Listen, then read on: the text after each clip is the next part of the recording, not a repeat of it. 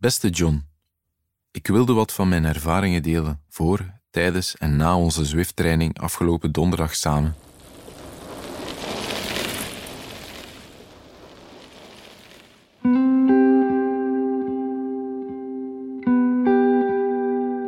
Ik heb je film gezien en ik was onder de indruk van je verleden en de volledige switch die jij gemaakt hebt. Je volledige toewijding voor sport is voor mij heel herkenbaar. Ook ons verleden verliep deels gelijk, bijvoorbeeld op het vlak van agressie. Ik heb ook ervaren dat sport mij kan helpen. De rit zelf was erg leuk en motiverend. Al die positieve reacties in het begin. Het was geweldig. Het gaf me extra motivatie. Het gaf mij mentale kracht. Ik kon mijn hoofd leegmaken. Dat heb ik in de gevangenis eigenlijk nog niet meegemaakt.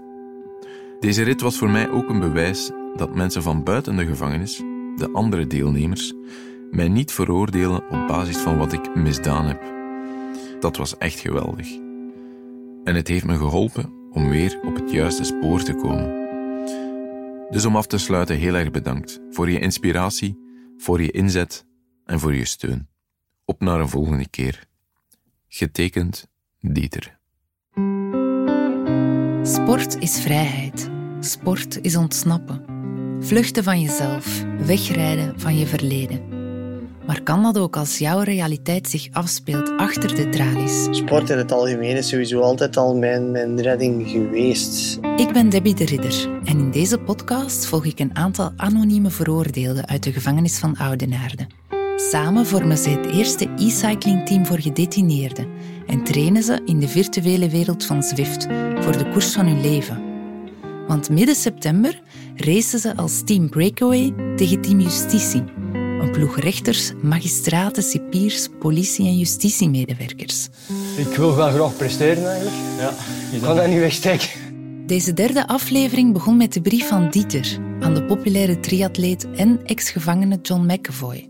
In de vorige aflevering hoorde je hoe John en heel wat van zijn Instagram-volgers Dieter hadden uitgedaagd voor een ritje op Zwift. Zijn dankbaarheid schreef hij neer in de ontroerende brief die je net hoorde. De weg die de gedetineerden de voorbije weken aflegde, zette me aan het denken. Sporten betekent voor hen ontsnappen aan de demonen in hun hoofd. Maar er zijn nog mensen voor wie sport hun redding betekende. In deze aflevering praat ik met de renners van de Breakaway, maar ook met een Paralympische topatleet en met een ex-gevangene. En iedereen kan fouten maken, maar terug op de goede spoor terechtkomen is het belangrijkste.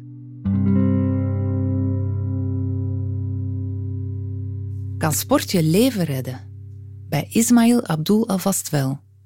Dit Gentse bokstalent vocht zijn eerste wedstrijd in 1996 en werd in 1998 op zijn 22e Belgisch kampioen. Een jaar later veroverde hij de titel van Benelux-kampioen. Naast zijn carrière als bokser bleef hij actief als portier in het nachtleven. En daar begonnen de problemen.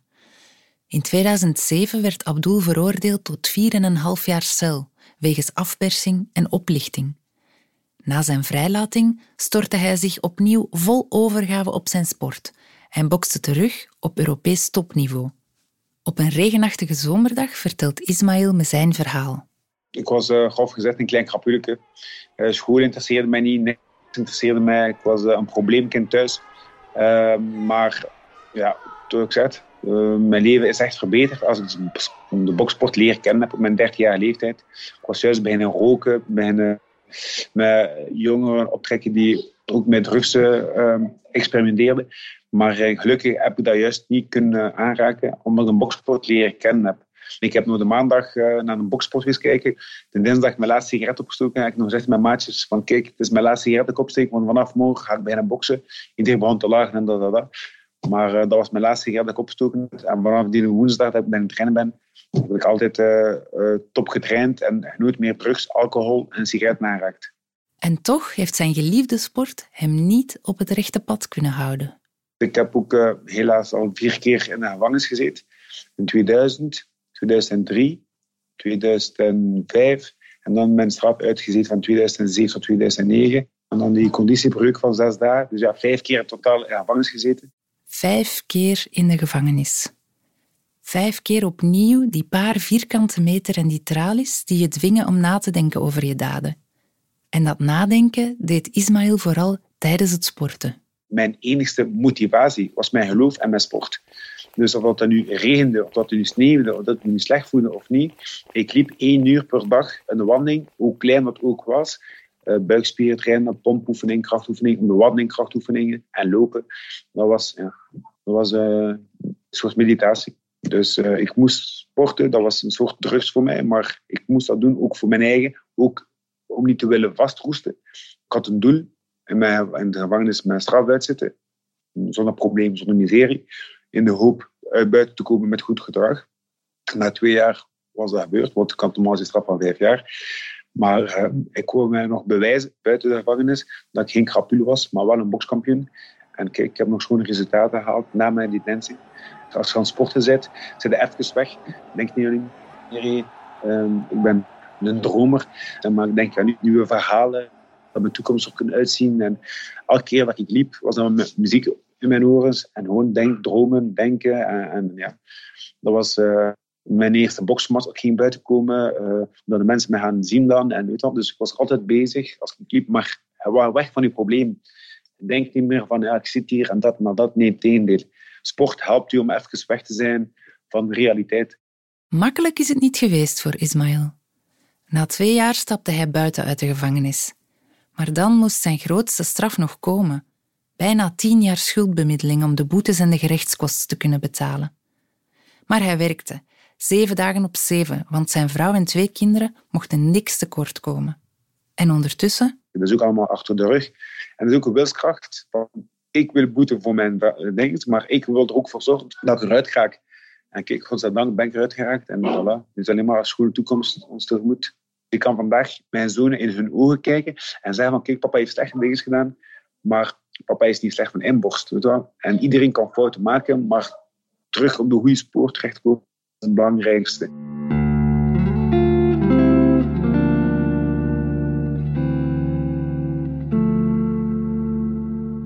Diederik Schelfhout koerst al sinds zijn achtste.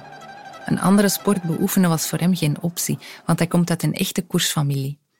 Onder meer de laatste Belgische toerwinnaar, Lucien van Impe, en Kevin van Impe zijn familie. In 2008 stond Diederik op het punt om profrenner te worden. Het zou zijn jaar worden, het jaar waarin hij zijn droom zou waarmaken. Maar toen... Ja, spijtig genoeg is uh, begin 2008 een, uh, heb ik een tragisch motorongeluk uh, meegemaakt. Waardoor ja, eigenlijk een beetje kort geschetst iemand de baan overkwam zonder te kijken. Die van een afrit kwam van de autostrade en die steekt de baan over ik rijd in de zijflank en uh, ik word weggecatapulteerd. En waardoor mijn motor, um, de tank is ontploft. En dan ben ik uh, onder een parkeervoertuig gegleden en die tank van die, wagen is mee ontploft. Ja, het gevolg is uiteindelijk, uh, zijn we mij op dat moment 14 keer moeten blussen, want ik ontvlamde elke keer. Ehm, door de zuurstof werd mijn motorpak weer in brand geschoten. En de grote gevolgen daarvan zijn uiteindelijk zware brandwonden. Ik had voor 85% eh, brandwonden van graad 1 tot graad 4. En ehm, daarvan is 65% eh, derde en vierde graad. Dus dat is al heel moeilijk voor te overleven. mijn, daarbij had ik ook nog een keer heel zware breuken. Diederik vocht elf weken voor zijn leven. En toen hij ontwaakte uit zijn coma, was zijn droom om profcoureur te worden voorbij. Ik heb eerst alles opnieuw moeten leren. Ik heb opnieuw moeten leren praten, leren stappen, opnieuw uh, de normale handelingen in het leven te krijgen. Maar op een bepaald moment was ik, uh, toen ik revalideerde in het UZ in Gent, kreeg ik van de specialist uh, toen, professor Donk, te horen van ja, kijk, Diederik, ik ga eerlijk zijn met u, het fietsen wat jij wil, dat gaat sowieso niet meer lukken. Uh, laat staan, het zal zelf heel moeilijk worden van op een gewone damesfiets te fietsen.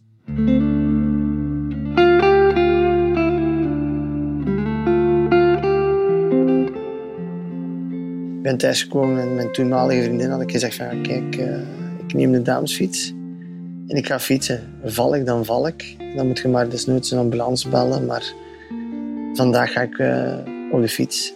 En ik ben die fiets, ik ben die fiets gaan nemen. En ja, dat waren toch wel denk ik de moeilijkste 50 meter uit mijn carrière. Uh, ik, slingerde zoals een kind van, van 15 jaar die leerde fietsen. Maar uiteindelijk, ja, dat was de eerste stap terug in uh, mijn nieuwe carrière. En voor mij was een van mijn grootste overwinningen een aantal weken nadien de gangen van het UZ binnen te fietsen. Uh, tot aan het kabinet van uh, de dokter en te zeggen, ja kijk, ik keer terug. En of het goed kwam met die carrière.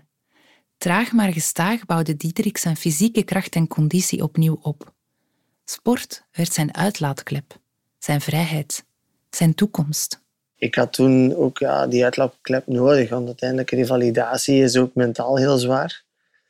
En ik had nooit niet echt het gevoel dat ik uh, geholpen werd bij de psychologen. Desondanks dat die mensen heel hard hun best gedaan hadden. En voor mij was gewoon een uur fietsen tien keer beter dan uh, tien sessies bij een uh, psycholoog te gaan. Ik heb altijd het gevoel, uh, als ik alleen fiets, dan moet ik alles zelf oplossen. En dat is weer, wind, alle tegenslag. En ik word er alleen maar mentaal sterker van. Ik heb ook zoiets van, ja, weet je, als ik dit allemaal alleen kan, dan kan ik de rest ook zelf opvangen. Sport in het algemeen is sowieso altijd al mijn, mijn redding geweest. Diederik behaalde in Tokio de zevende plaats op de tijdrit over een kilometer en de achtste plaats op de wegrit. Wat een prestatie. Voor Ismaël en Diederik betekende sport hun redding voor een situatie die er uitzichtloos uitzag. Hun mentale kracht en doorzettingsvermogen zorgden er niet alleen voor dat ze een uitweg vonden, maar ook dat ze na hun persoonlijke beproeving sterker zijn dan ooit tevoren. Zou sport hetzelfde kunnen doen voor de renners van de breakaway? Of blijft dit project in het Belgische rechtssysteem een doekje voor het bloeden? Het is hoogzomer als ik nog een keer langs ga in Oudenaarde. Op zaterdagochtend tussen 9 en 11 trainen de gedetineerden in groep. En per hoge uitzondering mag ik zo'n groepstraining bijwonen. Maar zoals ondertussen al blijkt uit de vorige aflevering van deze podcast, durft het in een gevangenis al wel eens anders gaan dan gepland.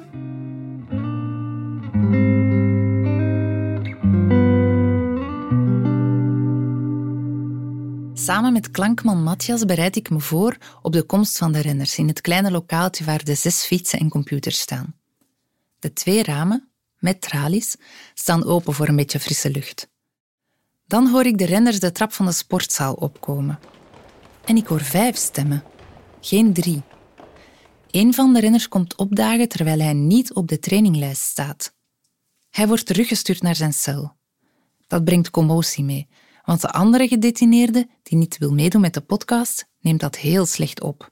Hij beschuldigt de gevangenis van oneerlijkheid. Hij zegt dat hij al jaren in de gevangenis zit, een plek die hem moet helpen om te reïntegreren. Maar dat er gelogen wordt en dat hij zich zo niet kan verbeteren. En dat is nog niet alles, want blijkbaar is er nog een misverstand. De gevangene die niet op de traininglijst staat, wil plots toch deelnemen aan de podcast.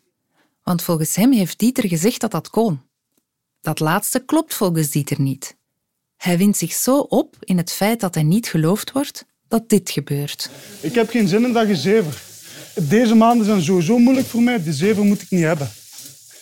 Dieter stapt van zijn fiets en ik loop hem achterna de fitnessruimte in. Ik vraag hem waarom dit net nu ontploft en ontdek dan dat net vandaag het de sinistere verjaardag is van de feiten die hij pleegde. Gewoon, ik vandaag 12 jaar binnen. Gisteren 12 jaar geleden gebeurd. Ik weet het zo. Ik amuseer nog, ik doe gewoon mijn best. Snap je? Wacht, zet ons hier even zetten. Ik koop mijn eigen vrije tijd hiervoor op. Snap je? Terwijl ik rustig op... Ik, ik, heb, ik ben iemand, omdat ik zo lang binnen zit en altijd gesloten heb gezeten, ik heb mijn rust ook nodig. Ik offer mijn eigen fucking vrije tijd hiervoor op. En dan krijg je... In, in het belang van het project en dan krijg ik die zever op mijn kop. Dieter stapt weg. Ik zal hem straks nog eens tegenkomen wanneer ik op weg ben naar de uitgang. Hij zal me nog een keer zeggen dat hij geen zin meer heeft in gedoe met de andere gedetineerden. En ik zal hem zeggen dat ik hem begrijp. Dat hij de volgende keer gewoon opnieuw moet meefietsen. En hij zal me een voorzichtige glimlach schenken. Wordt ongetwijfeld vervolgd. Maar terug naar het fietslokaaltje. Salim, die tot dan toe schijnbaar onbewogen zijn ding deed op de fiets, laat plots van zich horen. Ik moet mijn eigen druk niet mee. Maar ik wil natuurlijk geen uitspraken passeren die, die ik niet laat passeren. Want ik heb het moeilijk. Iedereen heeft hier moeilijk. We staan in een bak. Dus stop met die zaak. Hè. Ja, klopt. Fuck, ja. Maar iedereen heeft het hier moeilijk. Hè. We zijn in een bak. Ja, moet je Ik dan wil even zeven je- zijn. Ik heb het moeilijk. Ja. Moet je hen niet Als je het hier niet moeilijk hebt, dan klopt er iets niet. Hè. Hè, denk ik Ik dan. Hè. de max. Ja, maar is toch zo of niet? Maar bon, laten we dat onderwerp afsluiten. En laten we onze training beginnen. Hè. Salim en Toon zijn dus de twee enige renners die vandaag nog overblijven. Dieter is vertrokken en ook de vierde renner, die niet wil deelnemen aan de podcast, is ondertussen opnieuw naar zijn cel. Ik vraag aan Salim en Toon of ik de tumult zou meenemen in de podcast. Ze zijn allebei formeel. Ja, maar dat mag, hè? Dus dat is ook de realiteit. Het is hier Ja. geen fantasiereeks, hè? Ah, wel, maar dat is de realiteit. Het is Je moet er hè. realiteit ding, hè. Ja, ja, pas op. Hè. Je moet het erbij pakken. Ja, ja. Je zit met moeilijke mensen in een moeilijke omgeving Die het moeilijk hebben. die het moeilijk hebben.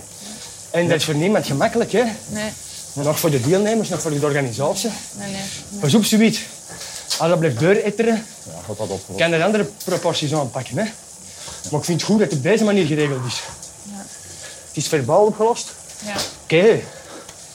Met misschien wel wat slachtoffers dan, maar... Ja, dat maakt niet uit, hè. We beslissen om het incident achter ons te laten en ons te concentreren op de training van vandaag. Ik vraag Toon hoe hij zich voorbereidt op een training. Wat eet een renner van de breakaways morgens? Ik persoonlijk ga niet echt iets anders eten, omdat ik iedere dag bijna hetzelfde doe. Ah, ja. Sport sowieso iedere dag 's morgens. eh. En wat, wat deed je dan? Het is gevarieerd van havermout, eh, yoghurt met muesli. eh, soms kun je een bananenmilkshake 's morgens. Bananenmilkshake? Havermout? Ik schrok van mijn eigen onwetendheid. Als buitenstaander heb je echt geen idee hoe het eraan toe gaat binnen de gevangenismuren. Dat er privileges kunnen zijn, maar wel alleen als je geld hebt. Oké, ik ga hele rare vragen stellen. Maar ik kan me zo niet voorstellen... Maakt je dat dan in je cel? Of Ja. kunt je daaruit? En, Alles op cel. echt? Ja, Dus je kunt iets warm maken? tuurlijk, tuurlijk.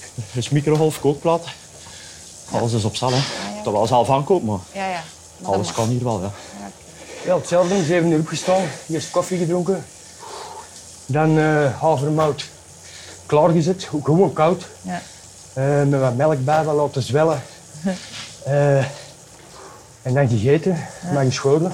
Ja. En tegen dan was het bijna- tijd. Over iets meer dan een maand rijden deze renners een virtuele race tegen Team Justitie.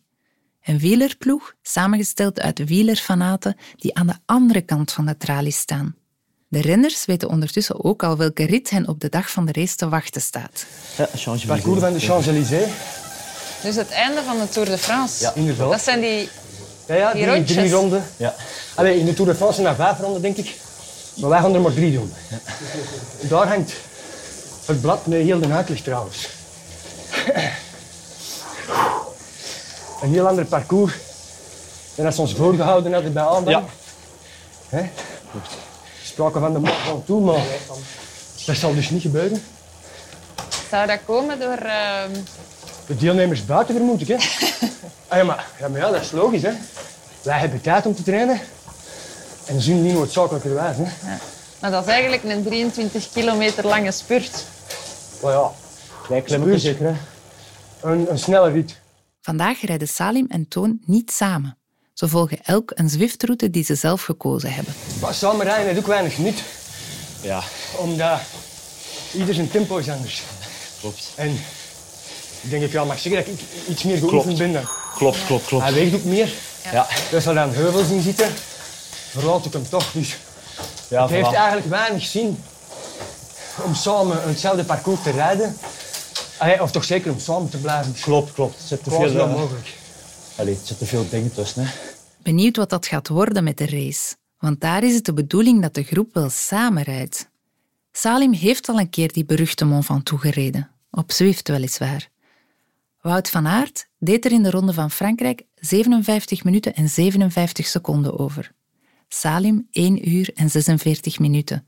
Een hele goede prestatie, als je weet dat de gemiddelde fietser er 2 uur en 25 minuten voor nodig heeft om die kale reus te bedwingen. Ik heb er een uur 45 of 46 voor gehad. Dat is goed, hè? Dat doe ik niet meer. Dat doe ik geen tweede keer. Want ik was begonnen zo. Ik had, heel goeie, ik had een goede dag. Ik had weinig gewerkt ervoor. Ik had goed nieuws gehad. Maar alle omstandigheden waren er nog. Ik zat hier alleen. Ook bij. En ik had zoiets van, bon, ik kon 10 kilometer doen. En dan ik wat pad rijden. Maar ja, terug 11, 12. Als je dan begint, was ik in een competitie verwikkeld met een paar renners. Hè, Ene dat mij voorbij gestoken heeft, dat ik had. En ik begon ook te eten en ik begon de smaak te pakken te krijgen. Hè. En ik zeg, ja, nou we deur. Hè. En dat competitieve kwam echt naar boven. Er zat er een Cubaan achter mij die ik echt niet wou mij laten inhalen. Ja, Eigenlijk niet dat ik heel veel voorsprong heb, maar toch genoeg. En ja, ik wou het dan niet loslaten. En, maar ja, dat was ik wel, dat heb ik wel gevoeld de rest van de dag. Dan heb ik echt veel gegeten en, veel gerust. Maar ja, ben er toch tevreden mee. Toon is ondertussen klaar met zijn training en ook Salim is aan zijn cooling down bezig. Zijn training zit er bijna op en dus ook die twee uurtjes relatieve vrijheid die hij vandaag had. En dat merk ik aan zijn toon, die plots weer iets minder positief wordt. We praten over het belang van sport in de gevangenis, over hoe belangrijk het is om bezig te blijven. Maar ik merk dat ook wel, en dat is wel een beetje eigen aan de gevangenis. ja. Ik heb altijd nog de neiging te denken dat ik 324 ben. Ik besef dat dat niet zo is, alle duidelijkheid, maar bepaalde evolutie doorgaat... Door, hey, beleef je toch anders hier. En dat je dan nog niet je tijd nuttig besteedt aan on- ontwikkeling op wat voor vlak dan ook, ja, dan, dan is dat effect dubbel, denk ik. Hè. Ja, Elke week? Hetzelfde. Elke maand, elk seizoen, behalve de seizoenen in het weer, is elke week een kopie van de vorige week qua indeling. Met dit verschil van, ja, uw werk zal lichtjes variëren, uw bezoekers zullen op andere dagen komen als je al bezoek hebt. Hè. Dat is niet voor iedereen. Dus ja, ik heb dat ook. Ik kan moeilijk nog dingen in een tijd plaatsen. Ik heb iets gezien, eh, drie of zes maanden of twee jaar geleden, ik weet het niet, maar ja, elke week lijkt het op elkaar. Dus ik heb weinig referentiepunten. En zo herinnert Salim me er op de valreep nog even aan dat het leven binnen de gevangenismuren echt geen ponykamp is. Ook niet als je een microgolfoven hebt en elke ochtend havermout kan eten. Dit was de derde aflevering van De Ontsnapping. Bedankt voor het luisteren. In de vierde en laatste aflevering van de podcast volg ik de renners van de Breakaway tijdens hun ultieme race tegen Team Justitie. Ik praat na over wat dit bijzondere fietsproject heeft betekend voor iedereen die erbij betrokken was. En fietst Dieter nog wel mee met de laatste race? Haal die microfoon maar weg bij mij. Ik stop ermee, in het algemeen. Dat is genoeg geweest voor mij. Ontsnapping werd gemaakt voor Decathlon. Ik bedank de renners, Ismaël en Diederik voor hun openheid. En de Rode Antraciet en de gevangenis van Oudenaarde voor hun steun. Interviews, redactie en eindredactie door mezelf, Debbie de Ridder. Geluid door Matthias van Gassen en montage door Kiaran Verheijden. Vond je deze podcast boeiend? Abonneer je dan in je favoriete podcast-app en schrijf een review.